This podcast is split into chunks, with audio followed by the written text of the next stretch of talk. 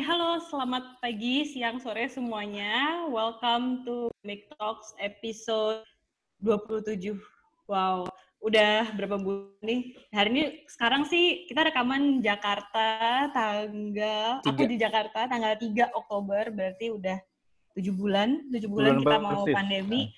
Terus abis itu em, hari ini kita kedatangan tamu spesial eh, Ibu Ines. Ibu Ines ini apa ya? Ibu itu se- seorang em, molecular biologist. Eh, tadi aku harusnya ngomongnya Mbak ya. Mbak Ines ini adalah seorang molecular biologist, seorang immunologist dan eh, vaccinologist juga. Jadi hari ini kita berempat bakalan nanya-nanya dan ngobrol bareng sekitar vaksin gitu. Halo Mbak Ines. Halo, selamat siang from Canberra.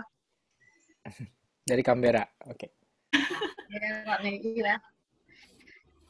Terus Oke, jadi Nah. apa nih? Mungkin Mbak Ines memperkenalkan diri dulu. Oke. Um, Oke, nama saya Ines. Tadi seperti Mutiara bilang, um, saya adalah seorang peneliti di bidang biologi molekuler. Um, dulu uh, S3 di um, University of Adelaide di Australia juga. Um, dan meneliti di bidang, um, kalau sekarang sih seperti aku tadi sempat penelitinya di bidang pengembangan vaksin, Nah, pengembangan vaksin dan drug delivery system. Hmm. Kebetulan saya tuh beradanya di interseksi antara penelitian dan pengembangan produk karena kerjanya di salah satu uh, perusahaan startup. Nah, kan di Indonesia lagi rame kan startup startup gitu kan. Uh, itu perusahaan startup biotech uh, perusahaan kecil di mana kita ngembangin suatu proof of concept untuk teknologi baru dengan um, uh, impian bahwa teknologi itu nanti bisa dilisensikan kepada perusahaan yang lebih besar. Itulah kira-kira. Jadi interseksi, jadi penelitian dilakukan di uh, universitas itu kayak digodok lebih dalam di startup biotech untuk kemudian nanti dikerjasamakan atau disensikan ke perusahaan pharma yang lebih besar. Gitu. Nah, selama 10 tahun terakhir ini kerjanya kebetulan di bidang uh, penggunaan teknologi nano atau delivery system untuk uh, memperbaiki cara kerja vaksin. Nah, salah satu Hmm. kerjasamanya itu sebenarnya Hmm. uh, dengan Bio Farma. Uh, Bio Farma lagi lagi ini lagi ngetop sekarang Lagi sebagai- booming. Hmm. booming sebagai dan, dan produk pro- apa namanya uh, Bio Farma adalah suatu perusahaan produsen vaksin yang uh, sangat besar ya untuk ukuran uh, Asia Tenggara dan satu-satunya di Indonesia yang memang spesialisasi untuk uh, memproduksi vaksin dan uh, biological product ya karena drug sama biological product kan agak beda. Uh, saya kebetulan kerjasama dengan Bio Farma itu sudah hampir saya sudah cukup lama uh, kita mencoba mengembangkan vaksin baru untuk uh, TB tuberkulosis. Hmm. Nah, ini penyakit tuberkulosis yang masih belum ada masih belum ada vaksin Yes, yang yes. ya itu masih big problem. Gitulah kira-kira perkenalan. Oke, kalau misalnya ini sih Mbak, kita tuh sebenarnya pengen tahu kalau Bio Farma kan akhirnya ini sering disebut karena sedang kerjasama dengan eh, Sinovac, yaitu perusahaan dari Cina yang akan membuat eh, vaksin COVID ini gitu. Nah, banyak kan kita sering banget nih dengar di media, apalagi media Indonesia kalau misalnya vaksin, vaksin, vaksin gitu. Dan kebetulan memang sekarang Bio Farma sama Sinovac ini lagi ngelakuin fase 3 trial gitu ya yang dilakuin di Jawa Barat, terus uh, menginclude sekitar seribuan orang gitu. Kalau misalnya untuk Mbak Ines sendiri, sebenarnya vaksin itu sebenarnya uh, signifikansinya apa sih dalam mengendalikan pandemi COVID ini? Apakah bisa nge-stop totally, apa jadi silver bullet, apa jadi golden bullet, atau gimana menurut Mbak? Iya. Sebenarnya bukan cuma di ya, vaksin ini kan vaksin itu sebenarnya uh, it, it's actually quite interesting karena sebenarnya Hmm. itu vaksin itu selama ini tuh menjadi produk yang uh, agak dikucilkan oleh perusahaan-perusahaan farma yang besar di dunia. Jadi kalau kita lihat yeah. Iya, karena kan uh, vaksin itu sebenarnya selama ini adalah produk yang uh, dianggap uh, nilai value-nya itu kecil karena kan WHO Hmm. menentukan harga vaksin per dosis 1 2 dolar gitu kan. Who's Hmm. make money? Alright, who's gonna make Hmm. money?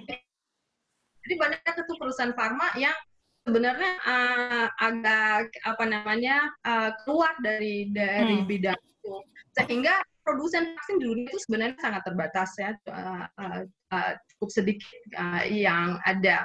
Nah kebetulan apakah itu adalah silver bullet or not? Yang kita tahu itu bahwa dari dari sejarah ya histori menunjukkan bahwa memang dari segi uh, public health uh, vaksin itu adalah salah satu uh, intervensi yang paling berhasil ya uh, karena kita bisa lihat dari measles bisa lihat dari polio hmm. bahwa vaksin uh, dengan adanya vaksin kita bisa menghilangkan penyakit-penyakit ini sehingga uh, orang-orang dari generasi bahkan generasi aku ya jangankan generasi uh, Mas Kamil atau Mbak Tiara generasi aku aja belum pernah ketemu orang yang uh, sakit polio kan sedangkan hmm. kalau kita lihat mungkin generasi orang tua kita sebelum ini Nah, mungkin mereka punya kenalan atau pernah melihat orang yang sakit polio. Jadi kalau dari segi kita lihat bahwa it's a very important intervention untuk hmm. uh, public health. Nah, dari segi pandemi itu sebenarnya uh, belum pernah teruji kan, karena kita yeah. belum pernah uh, pandemi ya. Uh, berapa seberapa ampuhnya uh, vaksin itu uh, akan uh, sebagai sebagai uh, pendekatan untuk uh, menghentikan pandemi. Uh, dari segi of course as a biological researcher dan, dan uh, apa namanya pengembang di bidang vaksin aku percaya bahwa vaksin itu ada tempatnya sebagai uh, apa namanya sebagai tools kita untuk menghadapi uh, pandemi. Uh, apalagi kalau kita mau mempersingkat pandemi itu ya jangan sampai pandemi ini sampai bertahun-tahun. Uh, yang perlu dengar uh, tapi adalah bahwa uh, itu nggak bisa cepat it's instan kan menemukan vaksin itu nggak instan gitu kan. Hmm. kalau aku, aku penelitian vaksin TB itu udah ya udah jangan bilang berapa tahun apa namanya it takes a long time kan uh, dan uh, biasanya itu semua penelitian itu terjadi tanpa adanya sorotan dari media tanpa adanya hmm. dari politisi tanpa adanya sorotan dari masyarakat kan ya, kita biasanya sebagai peneliti ya udahlah kita bersenang-senang dengan mencit kemudian dengan mungkin dengan apa namanya dengan monyet baru ke manusia gitu kan hmm. tapi on our back gitu kan untuk hmm. melihat yang terjadi. Nah, tapi kalau di dalam skenario pandemi ini yang terjadi adalah semua orang itu tiba-tiba itu menjadi armchair ya everybody uh, understand what dan semua orang uh, tiba-tiba mau uh, punya opini atau punya kritisi terhadap uh, pengembangan vaksin, right? Yang yang patut kita mungkin garis bawahi adalah bahwa apa yang terjadi tahun 2020 ini adalah unprecedented, right? Hmm. Bahwa virus ini baru muncul atau identifikasi di bulan akhir Desember, kemudian virus itu loncat dan menjadi uh, masalah dunia di seluruh dunia dalam beberapa bulan ya. Kita mulai ada permasalahan secara internasional teridentifikasi dari bulan Februari Maret dan sekarang kata di bulan Oktober sudah ada 11 vaksin di fase 3 yeah. terjadi bahwa ada begitu banyak perusahaan yang berlomba-lomba untuk mengembangkan virus uh, vaksin. Itu belum pernah terjadi. Itu belum pernah terjadi kan? So dari segi dari segi sebagai vaksinologis it's actually a very exciting period kan? Mm. tetapi semua ini terjadi di dalam suatu time frame yang sangat kompres ya. Karena biasa kita fase satu aja mungkin enam bulan kemudian nanti apa namanya datanya akan direview baru tahun depannya kita fase dua hmm. itu juga mungkin 12 bulan baru habis itu datanya akan direview kan. Nah yang jadi sekarang itu semuanya itu kind of in parallel terjadi dengan sangat cepat dan dengan waktu yang uh, diperpendek. Uh, sehingga masyarakat itu kayaknya udah nggak sabar menunggu mana vaksinnya kan? Udah bulan Des udah mau bulan Oktober kok vaksinnya belum ada gitu kan? Hmm. ada juga pihak-pihak yang mengambil keuntungan juga ya kan dengan mempromosikan uh, adanya vaksin ini. Jangan lupa bahwa 11 11 vaksinnya ini masih dalam tahap uji coba. Walaupun ini fase 3 itu kan masih namanya masih masih development itu yes. belum belum belum terbukti bahwa vaksin ini akan memberi proteksi. Tuh, kita juga belum tahu berapa panjangnya proteksi yang akan diberi oleh vaksin itu. Yes. Eh, gunanya adanya fase 3. Karena itu biasanya fase 3 itu nggak kayak sekarang cuma berapa bulan. Kalau kita lihat tahun. berapa tahun tahun.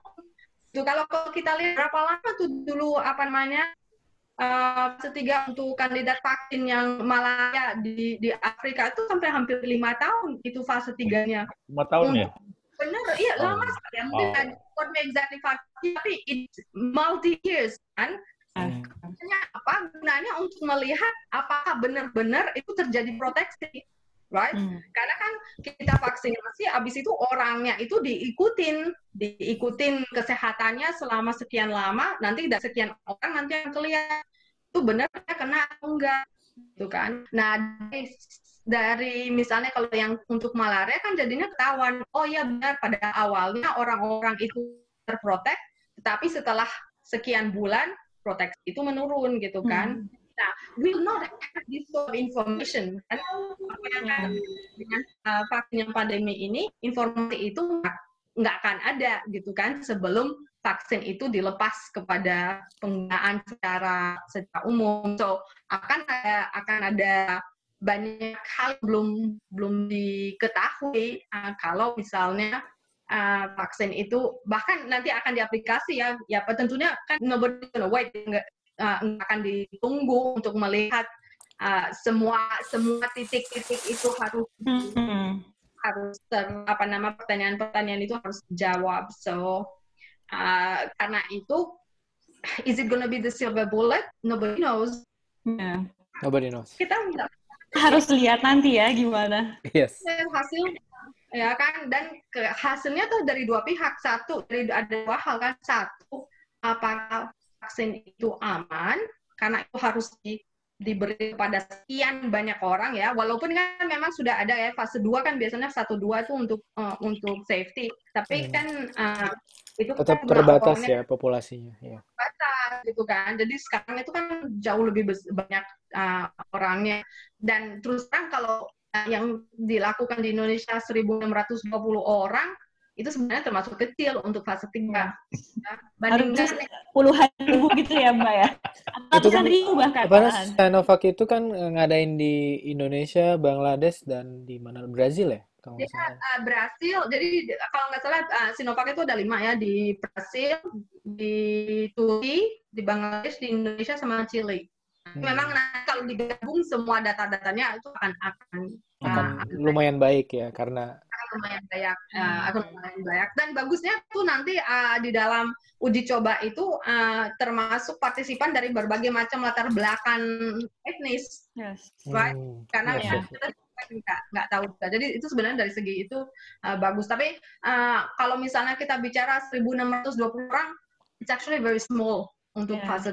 Jadi uh, Apalagi cuma di satu provinsi ya Mbak ya. Sedangkan Indonesia Barat ini ya. Keanekaragaman genetiknya besar Dan banget. gitu. dari 1.620 orang itu mungkin hanya separuh yang akan dapat vaksin. Right? Karena sisanya placebo gitu ya. betul.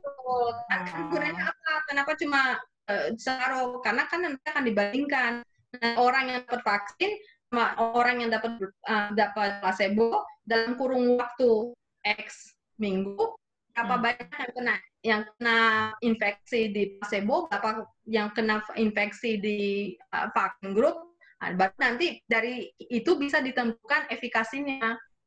Nah, kalau misalnya kita lihat ya misalnya uh, Pfizer kan kalau nggak salah dia sekitar 30 ribu ya Pfizer Moderna itu sekitar 30 ribu. Mereka sudah menyebut angkanya mereka akan uh, akan apa namanya mereka mencari angka sekitar 150-160 orang yang terinfeksi. Jadi Hmm. nanti kalau karena sudah capai 100 orang terinfeksi di grup Laibo itu mungkin mereka uh, bisa sudah bisa menyatakan bahwa ada, ada perbedaan gitu kan uh, apa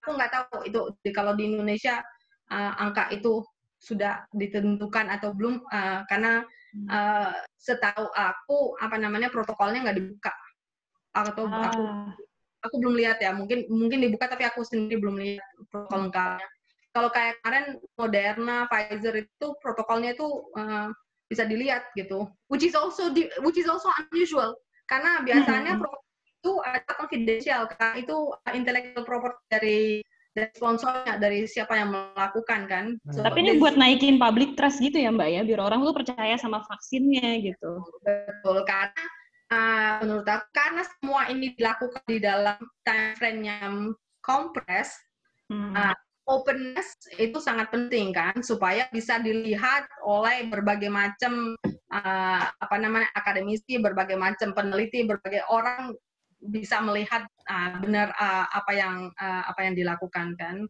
Ya, karena di, bisa di appraisal ya. Ya, ya. Bisa dikritisi. Karena jadi vaksin itu kan sebenarnya vaksin sebagai produk produk kesehatan itu cukup unik karena hmm. vaksin itu diberi kepada orang sehat beda beda lah kan obat kan obat lo nggak lo kasihnya kan orang yang sakit, sakit. Kan? Hmm.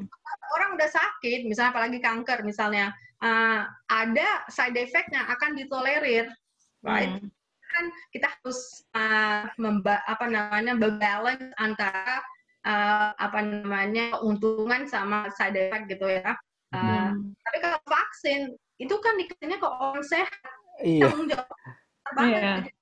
Kalau sampai vaksin itu punya uh, efek apa yang namanya tidak baik ya panjang gitu kan. Apalagi kalau sampai vaksin itu dikasihnya ke anak kecil. Hmm. vaksin itu dikasihnya ke ibu hamil.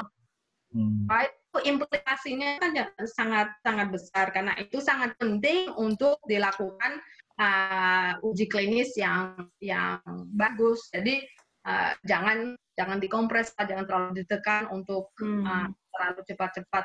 Kan ada hal yang nggak bisa lah dipercepat mau dengan mau dikasih duit berapa, dikasih orang. Iya iya iya. Bilangnya sama aja kayak orang hamil. Orang hamil harus 9 bulan kan. Lo kasih gue duit nggak bisa. bulan kan. Dibikin iya, iya, percepatan. Iya, iya kelahiran juga susah. Pokoknya minggu depan kelahiran ya gitu, tapi yeah. harus sehat, harus sempurna gitu. Tapi saat marah-marahin juga bisa kan best lahir. Menarik, menarik, menarik.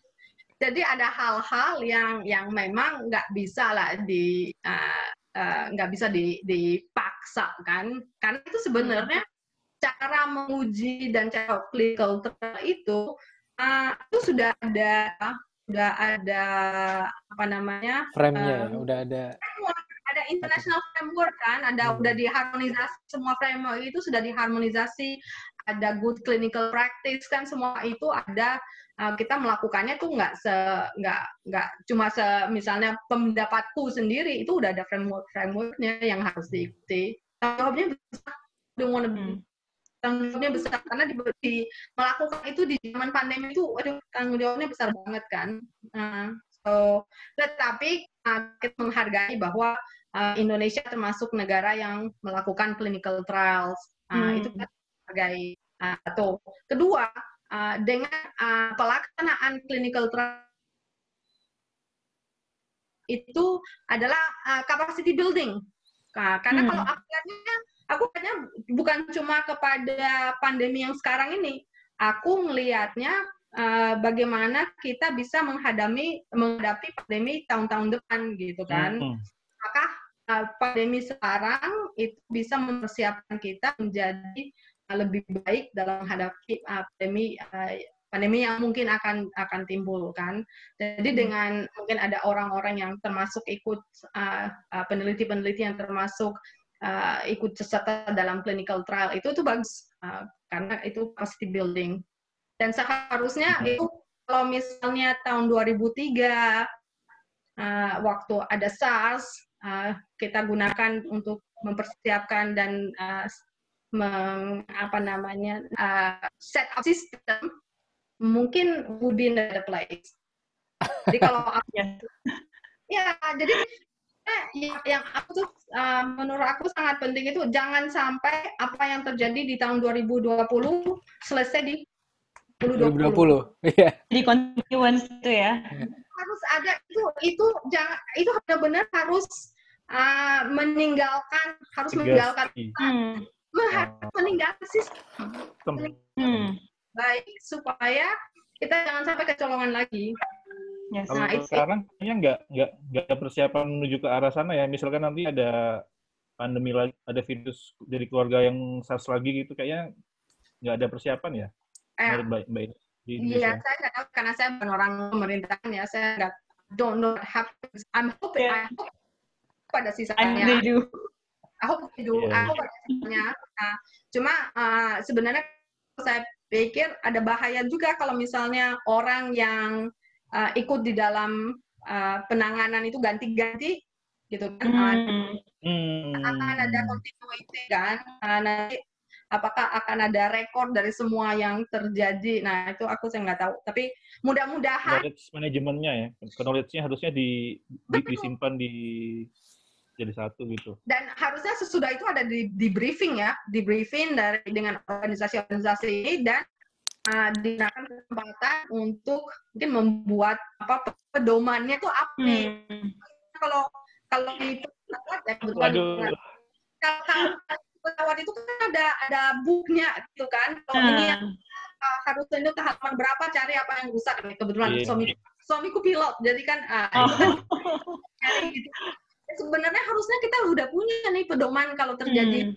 pandemi atau terjadi ya kan sebenarnya pandemi itu nggak jauh dengan biological weapon ya sebenarnya kan sama Hmm. aja ya kan ke- kecuali satu benar dilepas oleh secara sengaja satunya nggak sengaja tapi kan ya outcome is the same kan sekarang kita harusnya punya dong apa namanya buku buku podemnya apa yang harus dilakukan gitu termasuk nanti institusi-institusi mana yang berperan nanti untuk menge- men- menguji obat, mencari vaksin gitu kan itu harus Hmm. ada dengan dan jangan reaktif. Harusnya begitu terjadi itu udah udah tahu nih roadmap-nya apa gitu. Hmm. Nah bagus. It's easy, it's easy to say it from outside ya. Aku menyadari ya. Yeah. It's easy to criticize, it's easy to say it from outside. It's very difficult to do it from outside. But Hmm. mudah-mudahan karena banyak, banyak orang pintar yang di dalam yang mudah-mudahan mereka bisa mengambil hikmah nah itu bahasa Indonesia yang baik kan mengambil Bahasa Inggris hikmah apa ya? Oke. oke. Blessing, apa blessing? apa? Kalau di kalau di Australia eh, sikap kelasnya seperti di Indonesia baik baik di Indonesia kan seolah ya seperti yang mau tadi bilang apa eh, semua menunggu dan berharap ini jadi Mendewakan. mendewakan nggak Halo? begitu lah, ya nggak nggak begitu nggak begitu apa namanya uh, topikal walaupun sebenarnya ada satu vaksin yang kebetulan uh, dikembangkan oleh University of Queensland yang sekarang juga udah Hmm. clinical trial tapi uh, macam apa ya kalau aku bilang itu macam vaksin nasionalisme itu ya kan yang itu nggak ada sih di sini di Australia. Tetapi kan vaksin nasionalisme tuh vaksin tuh Hmm. jadi pakai kayak untuk menginikan rakyat. Persatukan gitu ya. persatukan rakyat gitu kan. Ah, nggak ada tapi mungkin nggak ada. Keren keren keren diktinya. mungkin karena karena kasus kita kecil kan Hmm. Hmm. kecil jadi kan ah, rakyat mungkin nggak gelisah gitu kan Hmm. Ah, Iya, iya, dan- iya, iya. mungkin kalau aku lihat kalau dari secara politik dari awalnya di sini uh, lebih mungkin kerah ya. Uh, kebetulan tuh kalau nggak salah ya negara ini itu uh, kalau nggak salah itu 2015 tuh mereka melakukan kayak apa sih kayak gladi gladi menggladi Gladi gladi Virus sick gitu. Sih kalau ada pandemi itu apa gitu kan jadi sebenarnya Ah. ada ininya ada ada ada sudah ada ininya mungkin orang yang sudah membuat skenario skenario itu Hmm. I think it helped Uh, I think it helped Gitu. Kalau di Australia sendiri berita-berita yang ada sama kayak di Indonesia gitu nggak sih? Kalau di sini kan kita udah udah tahu nih kira-kira kayaknya oh pemerintah nih akan beli vaksin A jumlahnya berapa, vaksin B jumlahnya berapa, C berapa gitu. Sama nggak sih di Australia? Apa akan pakai satu jenis aja Iya. gitu? Um, ada kebetulan sih kalau kemarin ada juga berita jadi kalau di Australia itu kalau nggak salah ya karena kebetulan negara ini tuh kan selalu kiblatnya ke ini kan ke Inggris ya Inggris. Hmm. dia nggak Di bisa Moderna ya. Melupakan itu asal usul itu negara ini tuh nggak bisa ah, jadi ke, kayak itu ah, pilihan pertamanya itu AstraZeneca punya Ah, AstraZeneca. dan kalau nggak salah um, CSL yang adalah vaksin manufakturer di Australia itu nanti kerjasama dengan AstraZeneca untuk memproduksi juga di sini. Nah, kayaknya bukan finish ya, memproduksi ya, Hmm. benar memproduksi di apa di sini dan nanti akan memproduksinya melebihi kebutuhan Australia. Jadi nanti eksesnya itu mungkin dibagi-bagi lah mungkin Hmm. ke, ke ini ke utara. Donation gitu ya. Enggak lah ke Tapi Vanuatu. Negara-negara lain. Ya, Enggak, enggak. biasanya kan Ke Pasifik Australia- kan? Ya. Benar, karena Australia itu sebenarnya secara politik dia kayak menjadi sheriffnya dari Asia Pasifik, Pas- pasti Iya, ke pulau, iya negara-negara Iya, kecil itu kan. Hmm. akan membantu juga ke, ke situ. But, but apa namanya uh, fiksasi yang begitu dalam terhadap Hmm. vaksin itu kayaknya cuma di Indonesia deh. Orang itu Iya ya. Setuju. sekarang itu iya sekarang menjadi orang yang ngerti vaksin itu kayaknya apa namanya no istimewa lagi semua orang kan mau vaksin di WA group kayaknya dulu ya ngobrol vaksin gue doang deh gimana sekarang tante gue aja ngomongin vaksin Iya ya, jadi pembicaraan publik lah. Ya. jadi Iya. pembicaraan publik Hmm. which is Hmm. good which is good karena Ya. sangat penting uh, karena tadi seperti kita ngobrol di awal vaksin itu penting kan kita tahu bahwa ada program-program imunisasi untuk anak uh, dan itu uh, sangat penting but but saya selalu bilang a little bit of knowledge is dangerous jadi kalau kita ngertinya dikit-dikit nanti bisa salah ngertiin nah itu yang kadang Hmm. jadi gitu kan. Jadi orang mungkin merasa ngerti terus nanti menginterpretasinya agak-agak salah gitu kan. Jadi kan banyak lah sekarang ada aksi ahli vaksin, ahli aerosol kan ada Hmm. about aerosol gitu kan. Jadi uh, but it's good, it's interesting dan dan menurut aku uh, ini menunjukkan bahwa literasi sains itu penting. Hmm. Jadi uh, kita penting untuk satu menghargai sains, uh, kedua uh, mengajarkan orang untuk berpikiran kritis, right? Sama ketiga mengajarkan orang untuk um, bisa meng-cross check informasi. Karena kan salah satu yang kita lihat zaman pandemi ini bukan hanya virusnya, tapi Infodemic namanya? ya, parah. Ini eko- Epidemic ya. Betul. Kenapa? Karena orang itu gampang banget percaya, gitu kan. Sometimes Hmm. gue heran tuh, sih lo percaya ini gitu kan? Nah, kan kalung eukaliptus atau like empon-empon. I'm like, really? Minyak kayu putih diminum gitu. Beneran, beneran dipercaya. gitu. Yang nanya sama aku, kalau ini di aku kasih minyak kayu putih satu tetes, it's okay. I'm like, Kalau mengenai informasi yang kecil-kecil ini sih Mbak aku rasanya kayak banyak orang yang ya inilah di, jadi sangat suka sama vaksin gitu. Jadi tertarik banget involve dan pengen tahu vaksinnya itu apa. Tapi menurut eh, Mbak Ina sendiri sebenarnya apa ya? Ideally ya, ideally suatu negara ngelakuin vaccination buat pandemi COVID ini nanti gimana sih? Kayak perlu semua orang kah divaksin dan kalau misalnya vaksinnya udah ada, misalnya kan sekarang banyaknya di clinical trial 3 nih.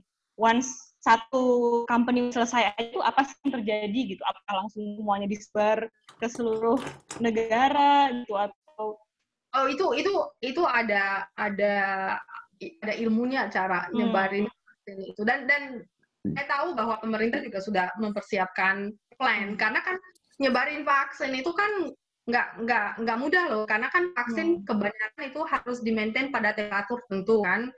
Satu terus kedua harus di nggak bisa cuma kita minum kan. Nggak bukan kayak obat kan. Harus diinjeksi uh, hampir hampir semuanya kan pasti pakai injeksi. Jadi harus diberi oleh orang yang mempunyai Yang- training yang yang, yang- Nah, so ada ada ada hal-hal yang dari segi logistik yang harus dipersiapkan kan. Jadi uh, satu dari uh, cold chain-nya bahwa Hmm. vaksin itu tersimpan pada suhu yang benar dan Hmm. ditransportasi pada suhu yang benar kan. Jadi Itu kalau dia. misalnya Hmm. dia Iya. bener.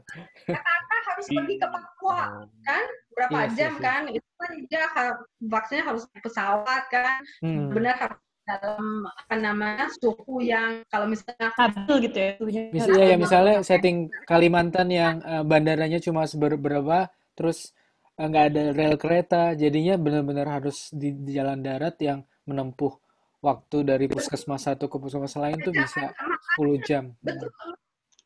Jangan di puskesmasnya, nanti dari puskesmas mungkin harus masuk-masuk ke Itu dia.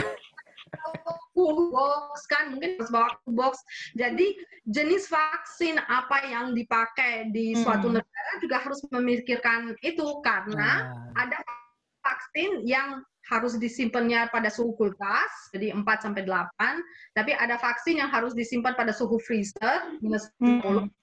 ada juga vaksin yang kalau nggak salah Moderna punya mereka mintanya minus room 80 ya kalau Oh, minus 80. Wow. Hmm. Kalau- Wow. nggak bisa pakai freezer es krim biasa gitu ya freezer harus freezer lab gitu loh yang proper Betul. Tiga di Nah, mobil.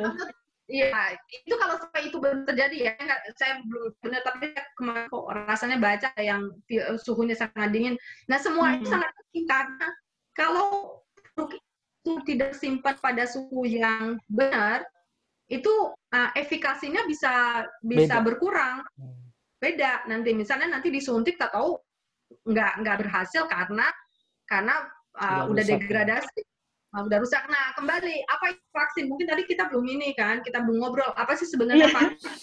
kita langsung seru aja ya ngebahas Ya, nah, yang yang harus, lain-lain betul, yang harus kita mengerti adalah vaksin adalah salah satu produk yang sangat kompleks.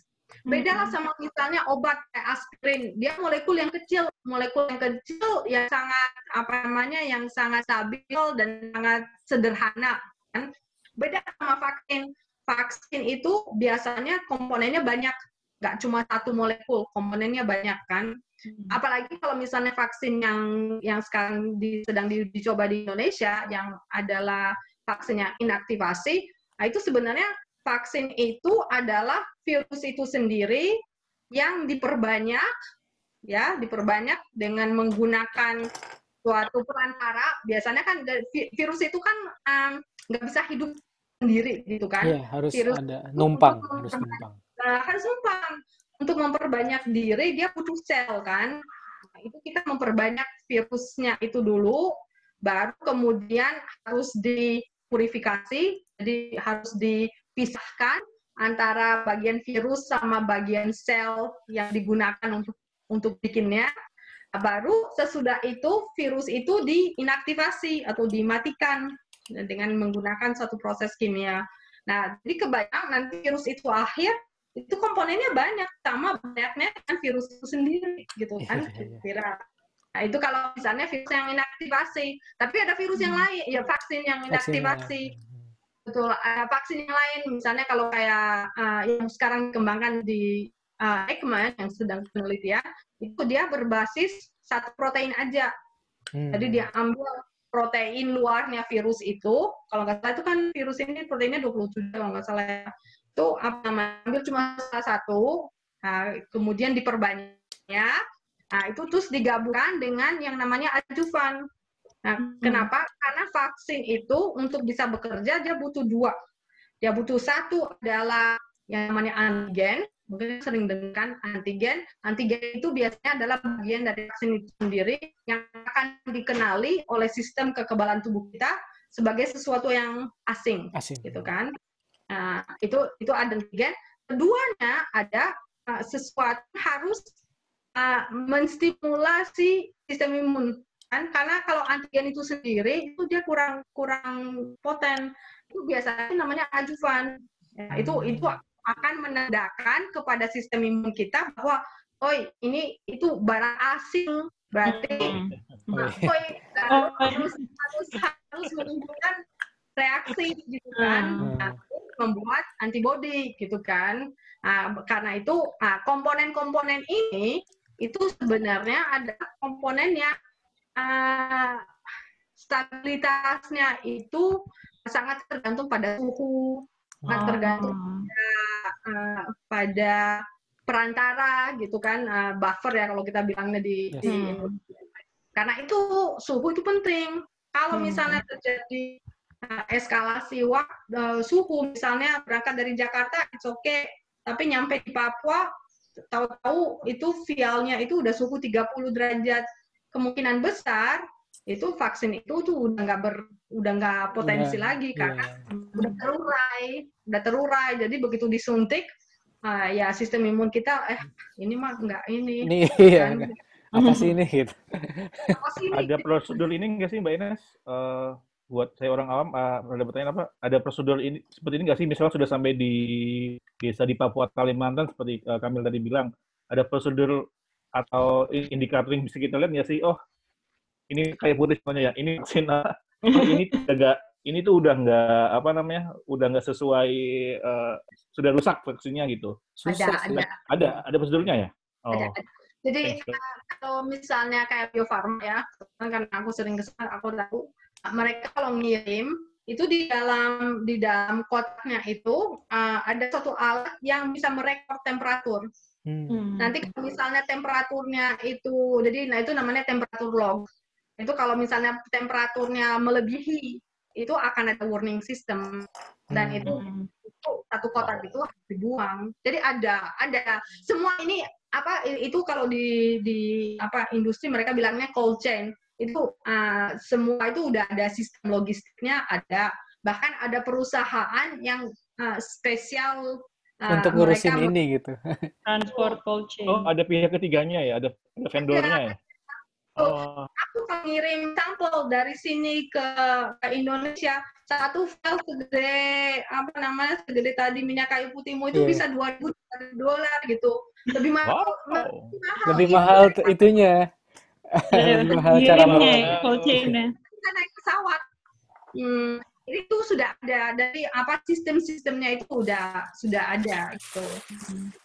Untuk Berarti dengan dengan banyaknya produk tuh kita bakal expect harga-harga yang beda-beda juga ya, Mbak ya? ah ya kan kalau nggak salah kemarin aku sempat lihat di WA grup kayaknya sudah ada yang mengedarkan misalnya apa vaksinnya AstraZeneca 150.000 ribu vaksinnya siapa berapa. Aku juga nggak tahu dari mana informasinya tapi pasti beda pasti pasti akan ada beda-beda. Nah, itu aku nggak tahu ya yang menentukan harga tentunya. Sebenarnya yang menentukan harga itu udah jenis teknologi yang dipakai untuk membuat vaksin. Terus, apakah vaksin itu menggunakan yang baru? Nah, kalau misalnya kita Ah, sekarang di Amerika Pfizer sama Moderna mereka menggunakan teknologi yang masih baru belum belum Hmm. ada. Gen elemen, apa? gen elemen, eh, RNA atau Ah, yang karena ya Moderna sama Pfizer sama-sama pakai vaksin arena kan seben- sampai sekarang kan belum ada Hmm. vaksin vaksin on ya. market menggunakan produk itu Nah, itu berarti paten-patennya mereka itu semuanya masih enforceable kan Hmm. tentu biasanya itu hanya akan lebih akan lebih mahal uh, daripada Hmm. vaksin yang tradisional gitu seru kan kalau ngomongin vaksin tuh seru, Seru kan? sih. Aku jadi mikir sih. Jadi kemarin kita pas di pandemi talk sempat ngepost tentang vaksin juga. Terus ini ada beberapa yang aku bisa temuin harganya. Nah, yang aku rada bingung sih, sebenarnya Sinovac itu dia harganya lumayan mahal loh, Mbak. Jadi dia itu harganya kalau nggak salah untuk dua dosis itu bisa sampai 800 ribuan. Sedangkan setahu aku eh, dia itu pakai teknologi lama banget, which is inactivated virus gitu. Nah, yang jadi pertanyaanku, mahal berarti dari mana ya gitu? Apakah Em, ya kan ah, kalau itu aku nggak tahu ya karena kalau misalnya eh, benar uh, pemutiara benar eh, teknologi yang dipakai mungkin nggak jauh beda dengan teknologi yang dipakai untuk bikin vaksin polio atau vaksin Hmm. ya. Ah, dari mana menentukan harga I mean Ah, ah. kalau kita lihat ya sebenarnya uh, obat uh, dan dan apa namanya termasuk vaksin itu ya menentukan harganya itu uh, itu uh, berdasarkan apa tentunya bukan cuma berdasarkan uh, cost of good ya bukan cuma Iya. betul itu itu ada faktor-faktor di luarnya itu ya kita itu terlihat kok di Amerika dilihat Hmm. harga insulin harga insulin itu berapa di Amerika kan dibandingkan di negara-negara lain itu karena apa karena sistem Nah, itu jadi Produknya cukup lama ya, Mbak ya. Kita bukan teknologi yang baru banget tuh. Dan, dan yang menemukan insulin itu dia menjual patennya dengan harga satu dolar dengan Oh. harapan bahwa eh, apa manusia akan menikmati. Tapi sekarang big, big pharma itu kan banyak yang yang mengambil keuntungan. Ah, ini mungkin topik pandemi talk yang yang berbeda ini. Ya, ya next time kita ngobrol ini itu juga seru sih farmasi. Soalnya saya juga pernah kerja di farmasi mbak dan eh sejujurnya nggak betah sih. Cuma maksudnya dari waktu yang sangat singkat itu tuh seru banget deh, kompleks banget karena itu. Ya itu itu itu di luar itu kita aman saya saya juga nggak nggak nggak nggak ngerti banyak sekali kasus, kasus di mana um, namanya perusahaan bisa menaikkan harga uh, produk mereka padahal produknya nggak berubah itu ada lah. Hmm. Nah, itu uh, siapa yang menentukan menentukan harga vaksin itu di Indonesia saya juga nggak tahu kan Ya. not private that information jadi aku nggak nggak nggak tahu juga gitu. Iya. Nah, mudah-mudahan tapi mudah-mudahan nggak di 800 ribu lah Itu kemarin kita ngambil angkanya dari ini sih, dari wawancara sama Menteri BUMN kalau nggak salah. Jadi dia ngasih tahu range-nya.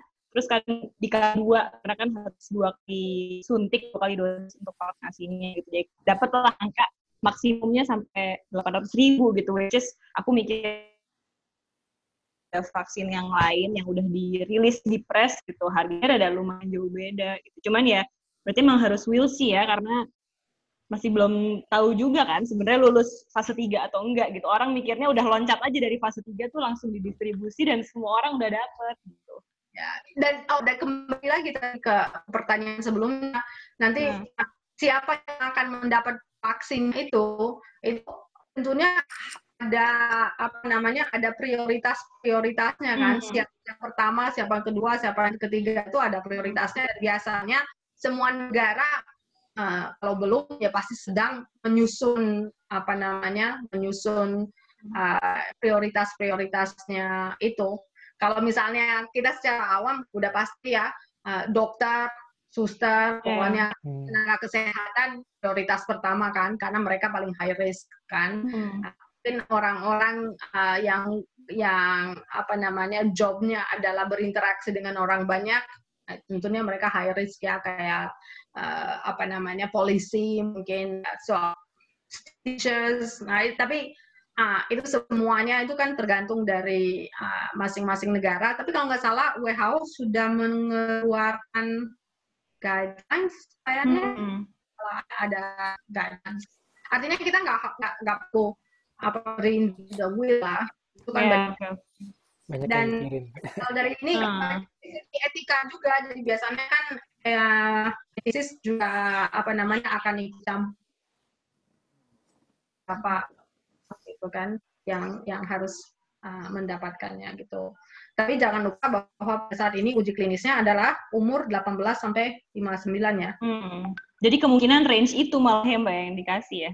Uh, which which di satu pihak is interesting karena sebenarnya kita tahu bahwa yang paling vulnerable uh, disease yang severe adalah orang yang lebih tua kan Hmm, hmm, hmm, hmm. itu dari segi vaksinologi kita tahu bahwa uh, sangat sulit untuk membuat vaksin yang bekerja dengan baik untuk orang tua jadi karena semakin Oke. kita tua sistem uh, imun kita itu berubah jadi uh, untuk menstimulasi suatu reaksi imun itu lebih susah di orang tua jadi mungkin uh, di situlah pentingnya kita kita yang lebih muda untuk divaksinasi. Uh, di situnya itu apa itu apa namanya um, yang namanya herd immunity bisa berperan. Kalau Hmm. apabila kita semua tervaksinasi, kita bisa memproteksi uh, orang-orang tua di sekitar kita. Andainya vaksin itu tidak bekerja baik pada mereka. Andainya mereka uh, kalau kita mendapat vaksin ya kita sebenarnya melindungi mereka. Untuk melihat eh, efeknya vaksin ke anak- anak-anak misalnya 17 tahun ke atas atau 65 tahun ke atas itu harus bikin clinical trial baru gitu Mbak Bel ya. biasanya clinical trial tersendiri dan kalau nggak salah ada beberapa Oh. vaksin yang- yang sudah mulai kalau nggak salah Oh. ada vaksinnya Pfizer kalau nggak salah mereka sudah mulai menguji di orang tua jadi tapi itu biasanya clinical trialnya separate Pisah jadi, gitu ya seperti ya, ya, ya. jadi memang biasanya dibikin clinical trial pada orang yang yang 18 sampai 9 karena ya paling aman itu dulu kan. Jadi kalau terus kalau misalnya di situ nggak terlihat ada hal-hal yang mengkhawatirkan, baru akan dicoba kepada populasi yang lebih vulnerable anak sama dari Mas Sirza atau Mas kamu uh, apa namanya? uh, gini gini uh, soal pemberiannya. Aku uh, tadi kan soal transfernya uh, apa namanya bawa penyebaran distribusi uh, kalau soal pemberiannya gimana ya? Aku sendiri ngebayangin uh, susah uh, bakal ada tantangan yang gede banget. Soalnya Indonesia ini kalau diulik-ulik lagi uh, paling besar memberi vaksin bersamaan di pekan imunisasi nasional tuh nggak nyampe beberapa juta aja gitu, beberapa juta dosis. Lah ini kan 200 juta orang, targetnya ya taruhlah 200 juta orang itu, apakah bisa diberi dalam satu periode gitu? Periode itu sepanjang apa? Sehari itu berapa dosis? Dan uh, kira-kira Mbak Ines ada ini nggak sih? Ada bayangan nggak sih strateginya gimana gitu? nggak akan nggak akan selesai dalam sebulan pastinya nggak akan sebulan nah, itu dia. selesai akan tiga bulan ya jangan dibayangkan bahwa misalnya vaksin itu sudah ada sudah ada dalam kotak Bio Farma misalnya terus tiba-tiba kita semua aman enggak lah ya karena nah, itu dia. harus harus disuntikin kepada orang. Sekarang hitung aja kalau satu orang butuh waktu dua menit tiga menit aja untuk disuntik kita bisa ngitung aja gitu kan perlu berapa berapa waktu untuk uh, memvaksinasi apa namanya untuk memvaksinasi seluruh populasi di uh, di Indonesia. Indonesia. It will take time. It will take kan. Uh, mungkin bisa disarankan itu bagaimana cara memberinya kita uh, menggunakan fasilitas apa yang sudah ada kan jaringan apa yang ada yang bisa digunakan uh, misalnya kayak uh, puskesmas tentunya atau jaringan-jaringan yang yang lain kalau misalnya kayak di Australia sini uh, vaksin-vaksin tertentu ada, ada yang diberinya lewat sekolah hmm. gitu kan jadi pasti semua anak itu tertangkap gitu kan dikasihnya lewat sekolah nah di situ itu uh, di situ penting untuk uh, pasti saya rasa punya uh, punya strateginya tetapi kita sebagai masyarakat harus sadar bahwa akan butuh waktu bahwa hmm. Tidak seluruh populasi Indonesia akan tervaksinasi dalam waktu yang sama. Dan juga kita harus sadar dan mungkin menerima bahwa kita sendiri mungkin bukan akan termasuk orang yang di gelombang pertama dapat hmm. vaksin. Mungkin nanti kita masuk gelombang keempat, kelima, keenam kan. Itu itu kita harus harus menyadari dan menerima. Jangan sampai nanti terjadi kekacauan itu, itu karena dia. orang kan yes. Uh, bahwa dia kok tetangga gue dapat vaksin gue enggak gitu tapi mungkin tetangganya itu booster atau hmm. apa namanya perawat hmm. atau dokter gitu kan jadi kita harus menyadari bahwa not everyone will be vaccinated pada waktu yang sama dan saya nggak tahu apakah hal itu sudah di uh, apa namanya sampaikan di, Eh, belum deh. Iya, iya, masalahnya kalau saya nilai, saya kan uh, mungkin lagi nggak di Indonesia, jadi ya saya kacamatanya dari media-media. Dari media-media itu uh, pemerintah memang betul banget ya, katanya Mbak Ines bahwa ada sisi vaks vaksinalisme ya. Jadi vaksin itu digembar-gemborkan terus, tapi soal ini, soal pemberiannya gimana, harus kesadaran-kesadaran bahwa teknis, technically itu nggak bisa segampang itu tuh nggak nggak pernah disampaikan sih malah sebaliknya hmm. malah sebaliknya kayak kayak hmm. ada hope yang disebarkan gitu hope bahwa hmm. segera loh segera selesai ini adalah seg uh, apa silver bullet tadi nah. hope nggak ada salahnya karena yeah, ya dia. tentu saya katakan uh, selalu butuh melihat ke depan ada something yang ini bah, ya tetapi itu sebenarnya harus dengan dengan apa namanya ya harus ada kejujuran gitu kan di, di, hmm. di dalam cara mengkomunikasi harus jujur cuma komunikasi itu nggak gampang lah kan ya yes, pasti yes. ya kalian karena karena udah biasa kan lewat termasuk lewat pandemic talks ini ya komunikasi hal-hal yang kompleks itu nggak mudah kan dan juga harus menyadari bahwa uh, tingkat edukasi di Indonesia juga bervariasi kan. Jadi mengkomunikasi Variasi. ini Iya, itu dia.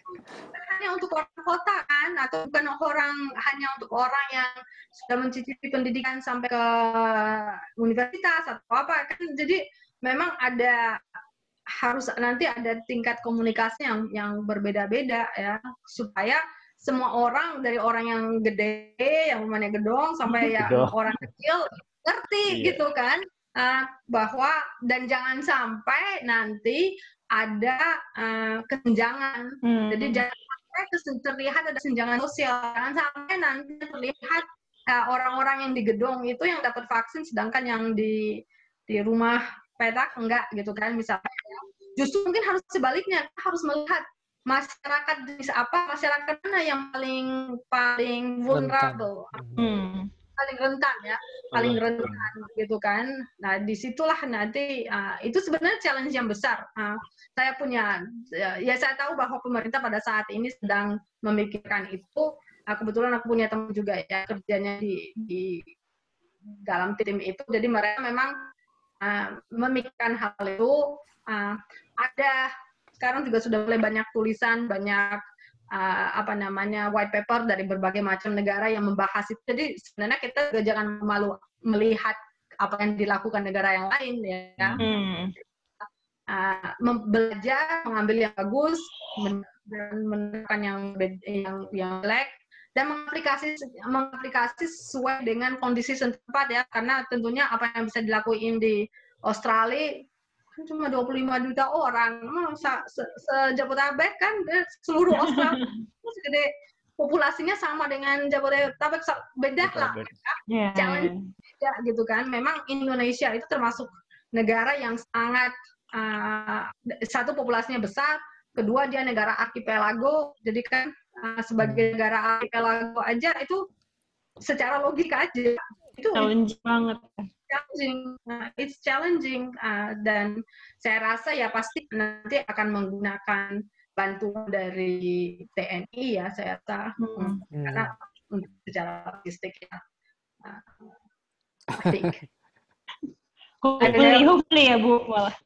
karena mereka juga kan uh, TNI Pak, tentunya sudah terlatih lah untuk uh, menghadapi lapangan-lapangan kondisi lapangan yang yang apa namanya Iya, iya, iya. iya.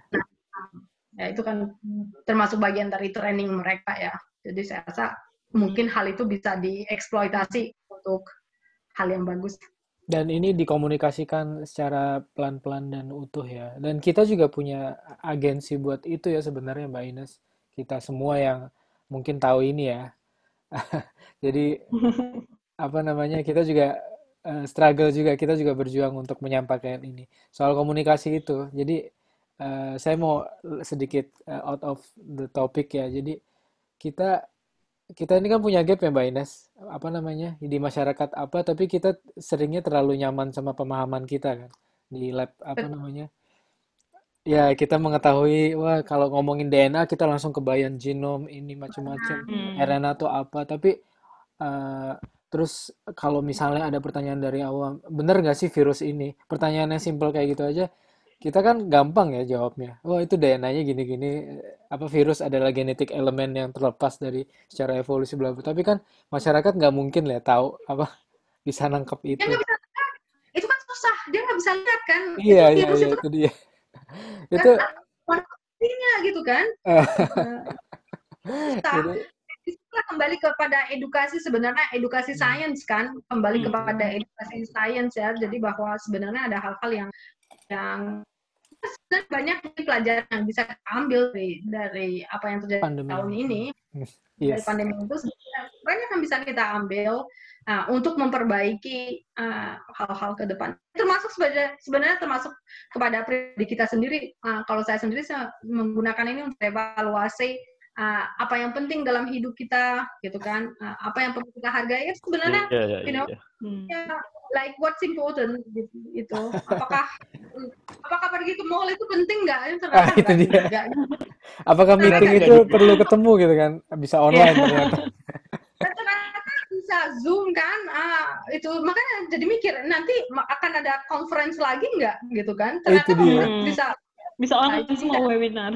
Semuanya tapi uh, tapi sebenarnya kita tahu ya uh, kalian kalau saya sebenarnya merindukan juga sih interaksi Hmm. human interaction iya, itu iya. karena kita sebagai ya sebagai human itu adalah ma- makhluk sosial ya jadi sebenarnya human interaction itu uh, apa namanya Kebutuhan Penting. juga. Iya, iya. kebutuhan dan itu akhirnya kan jadi sadar what's important ya what's important is like the people kan uh, the people around you gitu ya memang 2020 2020 ini adalah adalah tahun yang tahun Surprises everyone gitu ya. Dan bener. apa ya, iya, iya, iya. Bakal dibicarain sih 2020 tuh kayak apa sampai Iya, iya, iya. puluhan tahun ke depan. Sejarah di masa depan itu nanti mereka sibuk banget gitu Nulis nulis perharinya 2020 kayak gimana aja gitu ya. Karena datanya juga banyak banget gitu 2020. Yes, yes, yes. Betul. dan dan dan, dan karena kita sekarang semuanya punya jejak ya terekam ya jadi sebenarnya nanti akan gampang untuk dianalisa ya kita sekarang ya kita lihat aja Amerika Serikat presidennya bisa kena kan Kemarin ya. Iya. nobody immune kan nobody is immune Uh, dan menunjukkan bahwa ya kita semua uh, at risk jadi ya kembali sebenarnya sebelum vaksin sebelum ada vaksin dan sebelum vaksin itu sudah di deploy ya, kita harus melindungi diri kita sendiri Uh, dan walaupun vaksin itu ada ya misalnya ya misalnya semuanya sesuai dengan rencana yang Hmm. banyak dibicarakan di media massa. Nah, seandainya memang benar akhir tahun sudah ada vaksin, Nah, banyak if-nya ya, banyak if-nya ya. Hmm. Seandainya semua ini benar terrealisasi, tapi kan kita tahu pemerintah sendiri udah bilang kan bahwa nanti uh, akan ada berapa 30 juta kan? Uh, apa namanya gelombang pertama kan dapatnya 30 juta dosis kan 30 juta dosis itu kan kecil banget lah kita Iya. populasi 200 juta kan Jawa, so iya Jawa Tengah aja 30 juta orang. Udah dan jangan lupa satu satu orang butuh dua dua dosis kan Iya. jadi 30 Hmm. juta 30 juta dosis itu hanya dua uh, 15 15. ya. ya eh. Wow. Ya, makanya itu akan akan apa namanya uh, nggak akan nggak instan bahwa kita ter apa namanya terproteksi uh, jadi ya. Dan kita jangan self- selfish juga. Kalau misalnya kita doang yang dapat vaksin jangan selfish juga. Nanti kita tetap harus mendukung orang lain untuk uh, bertahan ya. untuk hal yang benar gitu kan. Hmm. Uh, karena kalau enggak kan uh, jangan uh, mikirin diri kita sendiri aja itu Seru-seru. seru ya seru Gimana Mas Firsa?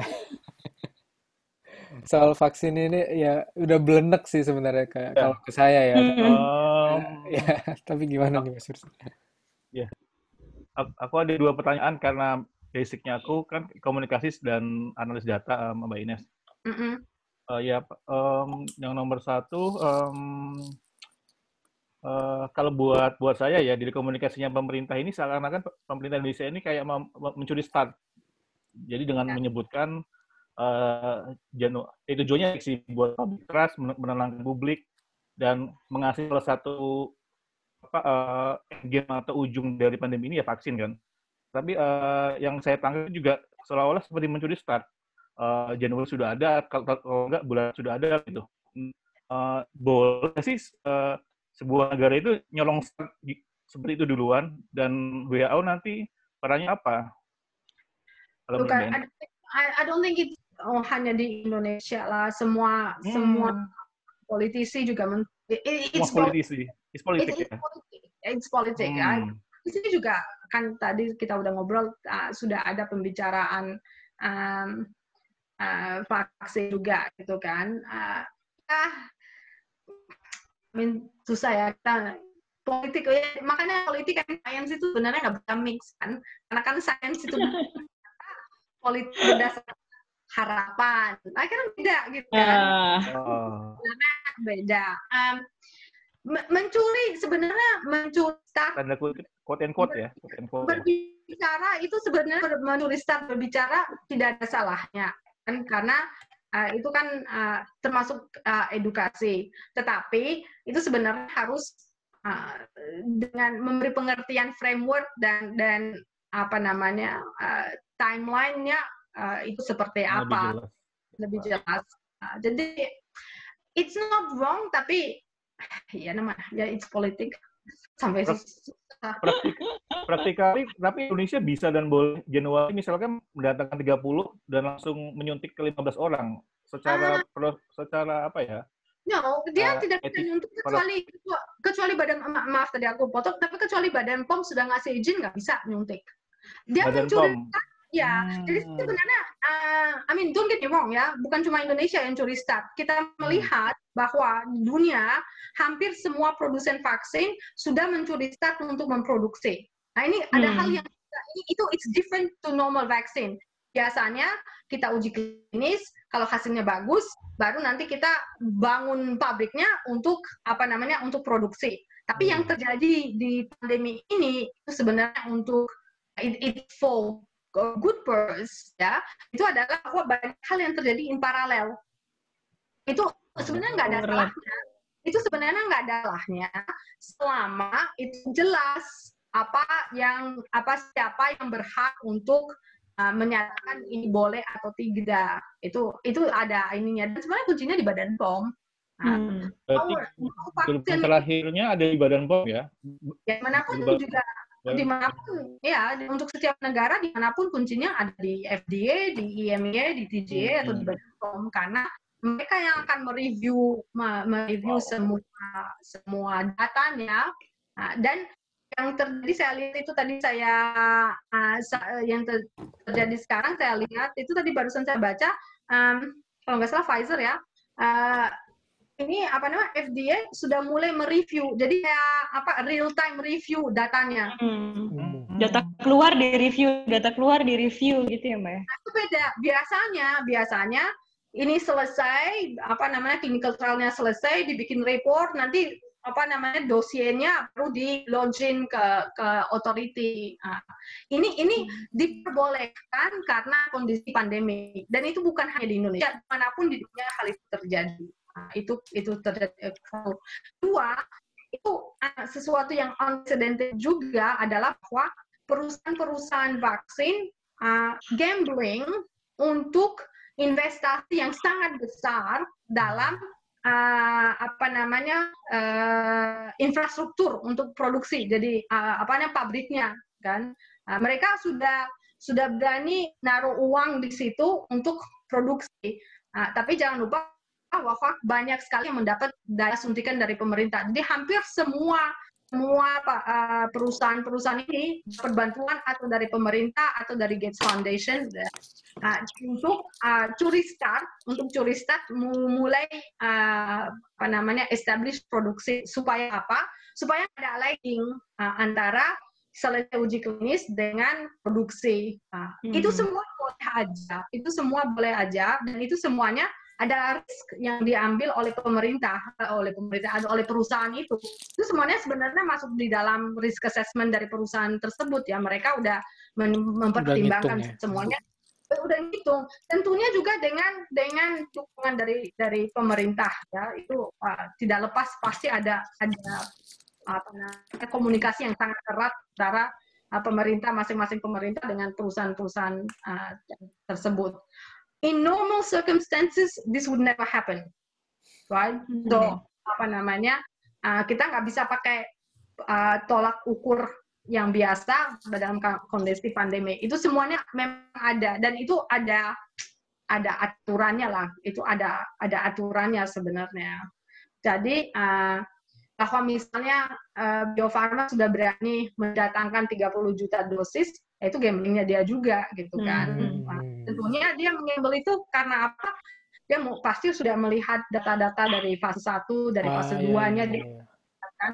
Hmm. Enggak enggak enggak blind blind, enggak blind hmm, ya. Enggak 100% tuh, buta ya sebenarnya enggak enggak 100% gambling sebenarnya. Gamblingnya terukur. terukur karena pasti mereka punya akses kepada informasi kita mungkin nggak bisa lihat karena mereka hmm. pasti pasti dikasih datanya. Jadi uh, apa namanya saya nggak bela tapi saya mau ngasih bahwa semua itu adalah sebenarnya berdasarkan informasi itu adalah berdasarkan uh, informasi. Kalau sampai misalnya gagal ya, ya hmm. enggak ya. Kalau sampai gagal, uh, dia pasti yang yang akan menanggung kerugian, gitu kan. Hmm. So, I mean, it's it's a gamble, it's a gamble. Hmm. But ya apa namanya kita bisa melihat juga dari apa namanya dari uh, kalau kita review history berapa persen kegagalan dari vaksin dan segala macam kan pasti ada ada hmm. bisa ada perhitungannya juga statistically. Hmm. Dan jangan lupa itu apa namanya uh, uh, SARS-CoV-2 ini kan um, kita nggak buta. Kita apa namanya mendevelop vaksin itu kan nggak nggak dari nol karena udah kita ada sudah punya SARS-CoV-1, ya. Hmm. SARS-CoV-1 sama MERS kan. Nah, mirip ya, ada dua, corona semua. Ada dua kubu hmm. dari dari SARS-CoV. Kalau misalnya seandainya pandemi ini terjadinya bukan dari coronavirus, itu mungkin beda cerita. Bukan, hmm. beda cerita. Kita belum punya vaksin. Jadi sebenarnya kita udah curi start dari awal udah pun udah curi start karena banyak sekali pengetahuan yang bisa kita uh, translasikan dari apa namanya dari uh, SARS ke ke SARS-CoV-2 ini. Kalau beruntung lah manusia itu masih kita masih ada. Aku kan orang Jawa makanya masih ada. masih ada beruntungnya gitu. Ada untungnya. Jadi memang sebenarnya ujung-ujungnya kita benar-benar harus ngelihat data fase 3 ini ya Mbak ya. Kalau misalnya kita benar-benar pengen ngebandingin gitu. Vaksin mana? Soalnya kan nanti juga efektif bukan hanya oke okay atau enggak oke, tapi juga efektivitasnya juga ada berapa persennya gitu kan, misalnya 100% efektif atau 90% efektif atau malah mungkin malah 40% efektif gitu. Itu sebenarnya deg-degan kayak kita bakalan ngelihat datanya kayak gimana nggak ya, apakah negara kita memilih produk yang bener nggak ya yang udah dipesan gitu-gitu sih sebenarnya yang bikin kan deg-degan. Ya, ya, ya. Tapi I mean that's part of ini kan part of science kan kita nggak bisa memprediksi. Yes, yes melakukan ini ya sebelum melakukan uh, uji klinis. Um, hmm. Kita lihat um, WHO kan sudah menentukan saat uh, at least 50% efikasinya kan hmm. jadi sebenarnya WHO. Tetapi kalau misalnya efikasinya hanya 50%, mungkin untuk herd immunity butuh lebih dari 60 atau 70% orang tervaksinasi kan. I see. Karena itu kan pengaruhnya ke situ ya. Itu nanti pengaruhnya ke ke situ. Jadi uh, apa namanya semakin rendah efikasinya semakin banyak orang yang harus divaksinasi supaya hmm. supaya terjadi herd immunity itu adalah gamble. Uh, semakin lama pandeminya juga selesai gitu ya mbak ya?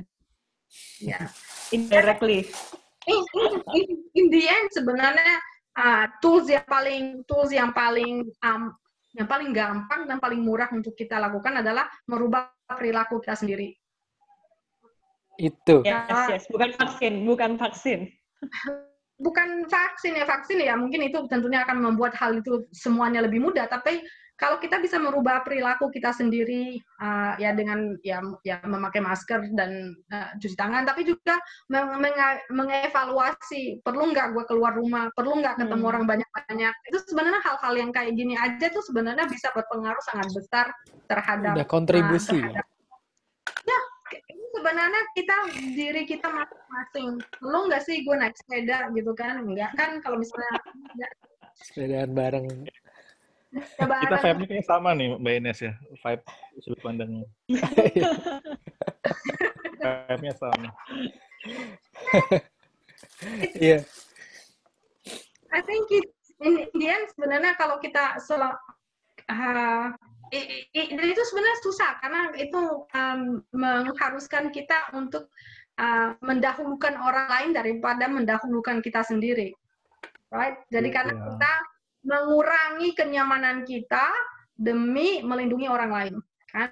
Demi kan karena mungkin kita sendiri misalnya ya kalau misalnya kayak Mas Kamil kan oh, masih muda sehat gitu kan apa namanya kena mungkin juga it's okay gitu lah mungkin it will be like mild tapi kan kalau misalnya kita kenanya mau tapi kita ngasihnya ke orang lain yang kena berat kan tanggung jawabnya besar banget loh kan yeah, yeah. Hmm. Nah, jadi sebenarnya oke okay lah aku jadi mengurangi hal-hal yang mungkin aku senang tapi demi melindungi ya orang-orang sekitar aku yang mungkin uh, lebih rentan gitu kan. Nah, itu sebenarnya yang harus dikomunikasikan menurut Itu. aku. Betul, betul. Uh, bukan dan sebenarnya uh, kenapa kita harus menjaga jarak itu sebenarnya kan kita harus mengkomunikasinya bukan cuma apa namanya jaga jarak cuci tangan ini kan Protokol tapi- kesehatan gitu. Kenapa?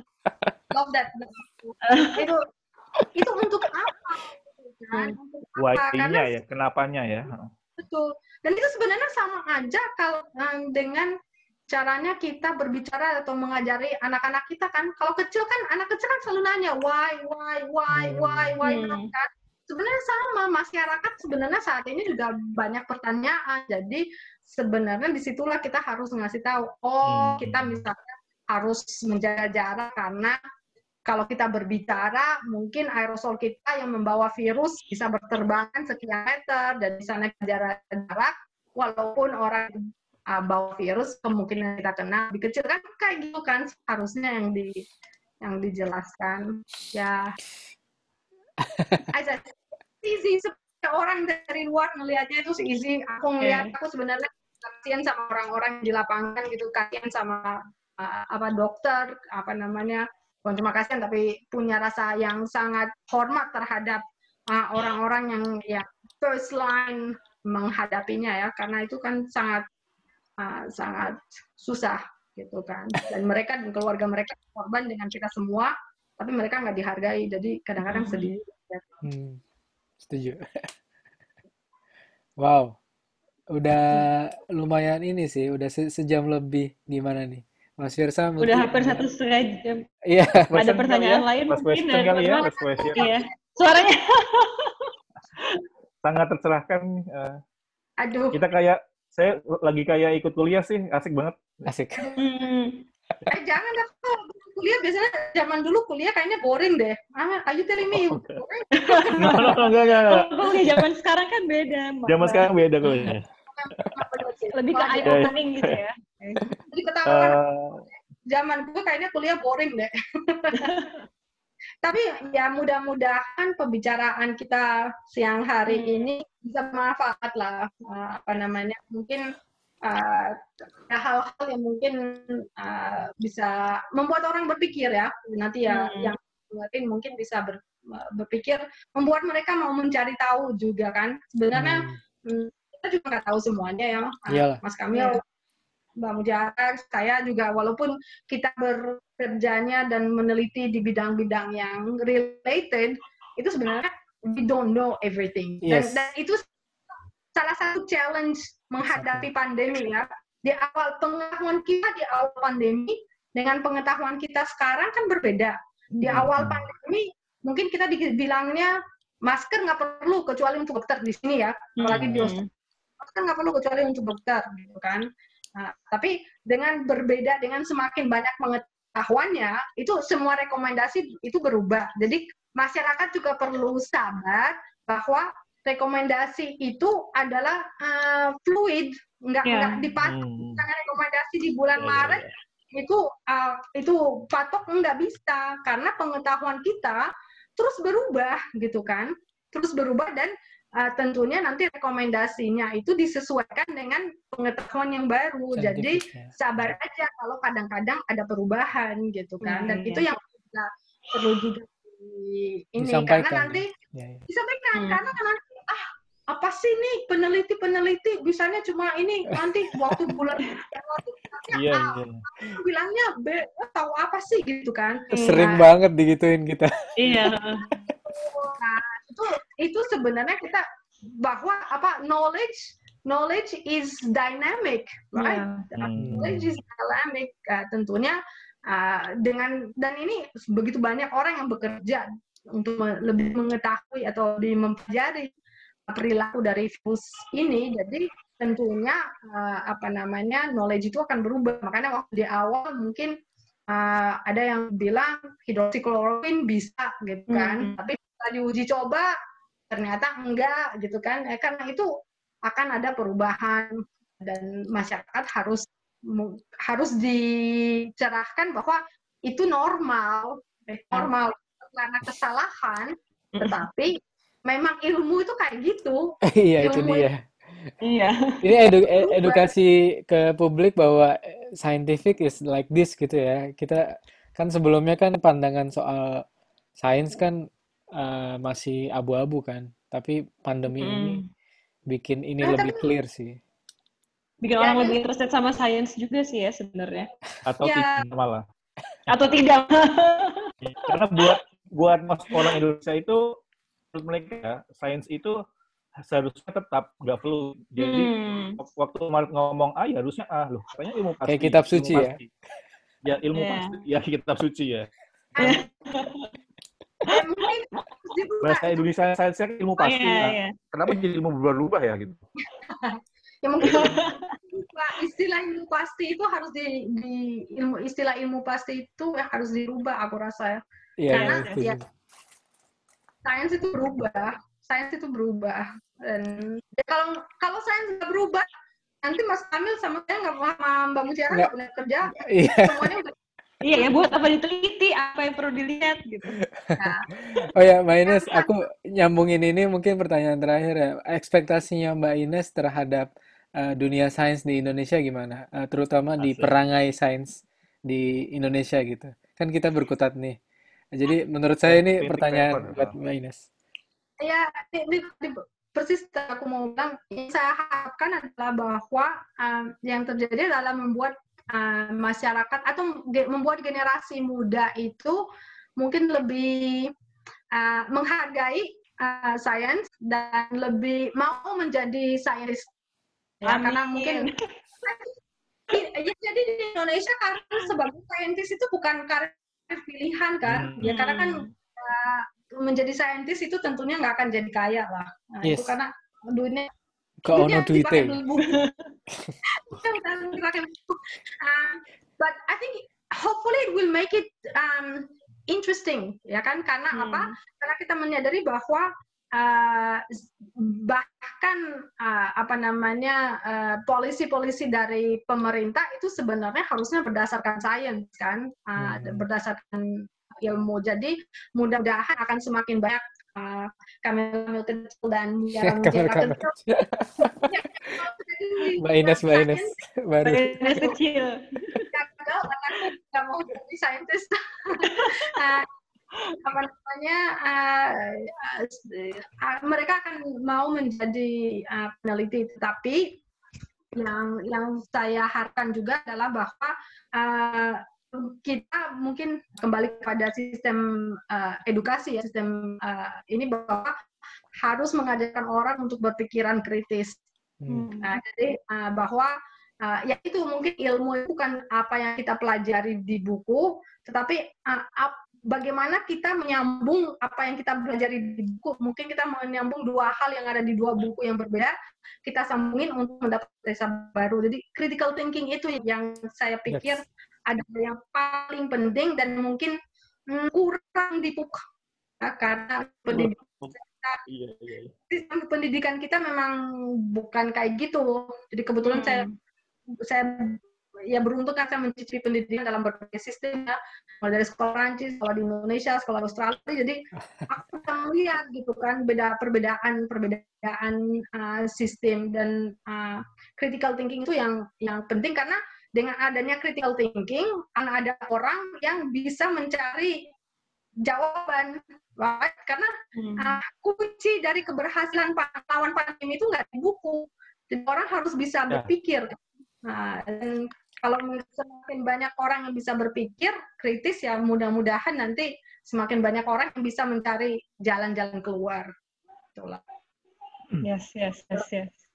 Berat ya jadi jadi berat, jadi pusing. Ini ini weekend loh teman-teman by the way. ya, kita- tapi kita senang banget sih kedatangan Mbak Ines, very inspiring. Kita juga apa ya namanya ya, senang sih belajar belajar lebih banyak gitu, nggak cuma tentang vaksin, tapi tentang science overall dan gimana sih cara kita ngadepin pandemi ini karena semuanya tuh interlink gitu. Oke, Absolutely. so thank you banget Mbak Ines udah ada di Pandemic Talks. aku yang makasih hati-hati ya jaga jarak. Hati-hati. Khususnya buat kita yang di Indonesia ya, kayaknya kalau misalnya yang di Jepang sama Australia casesnya nggak nggak triple digit ya di sini. Kayaknya udah digit deh kita di sini. So hati-hati ya semuanya teman-teman ya. Oke. Okay. Oke, okay, recordingnya aku berhentiin dulu ya. Dah semua.